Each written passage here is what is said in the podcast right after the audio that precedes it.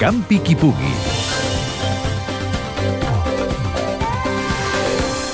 Poques ciutats catalanes tenen tanta tradició en l'atletisme com Viladecans, encara que la ciutat del Baix Llobregat ha estat sempre més a prop de les proves de marxa que no pas de les curses populars. Avui, però, us portem la cursa de 10 quilòmetres, que es farà aquest diumenge al matí amb sortida a la Rambla Modolell de Viladecans una competició que organitza el Club Atlètic Viladecans i que té més tradició fins i tot que el mateix club, tal com reconeix Carlos Sobrino, cap d'organització. Sí, sí, sí, ja fa 33 anys, sí, aquest any. Eh, es va començar a fer abans de que es fundés el club. El club ha fet 30 anys aquest any. O sigui que ja abans de, abans de fundar el club ja van començar a fer la cursa.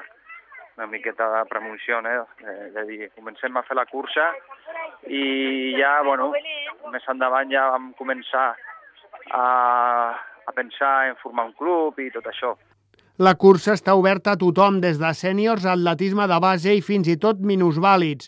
Sobrino ens explica totes les categories en què hi ha participació. Tenim tres curses diferents, que està la de la categoria pre-Benjamí-Benjamí, que fan entorn dels 800 metres. Després tenim una altra categoria que està a l'Evi infantil, que fan 2.700 metres.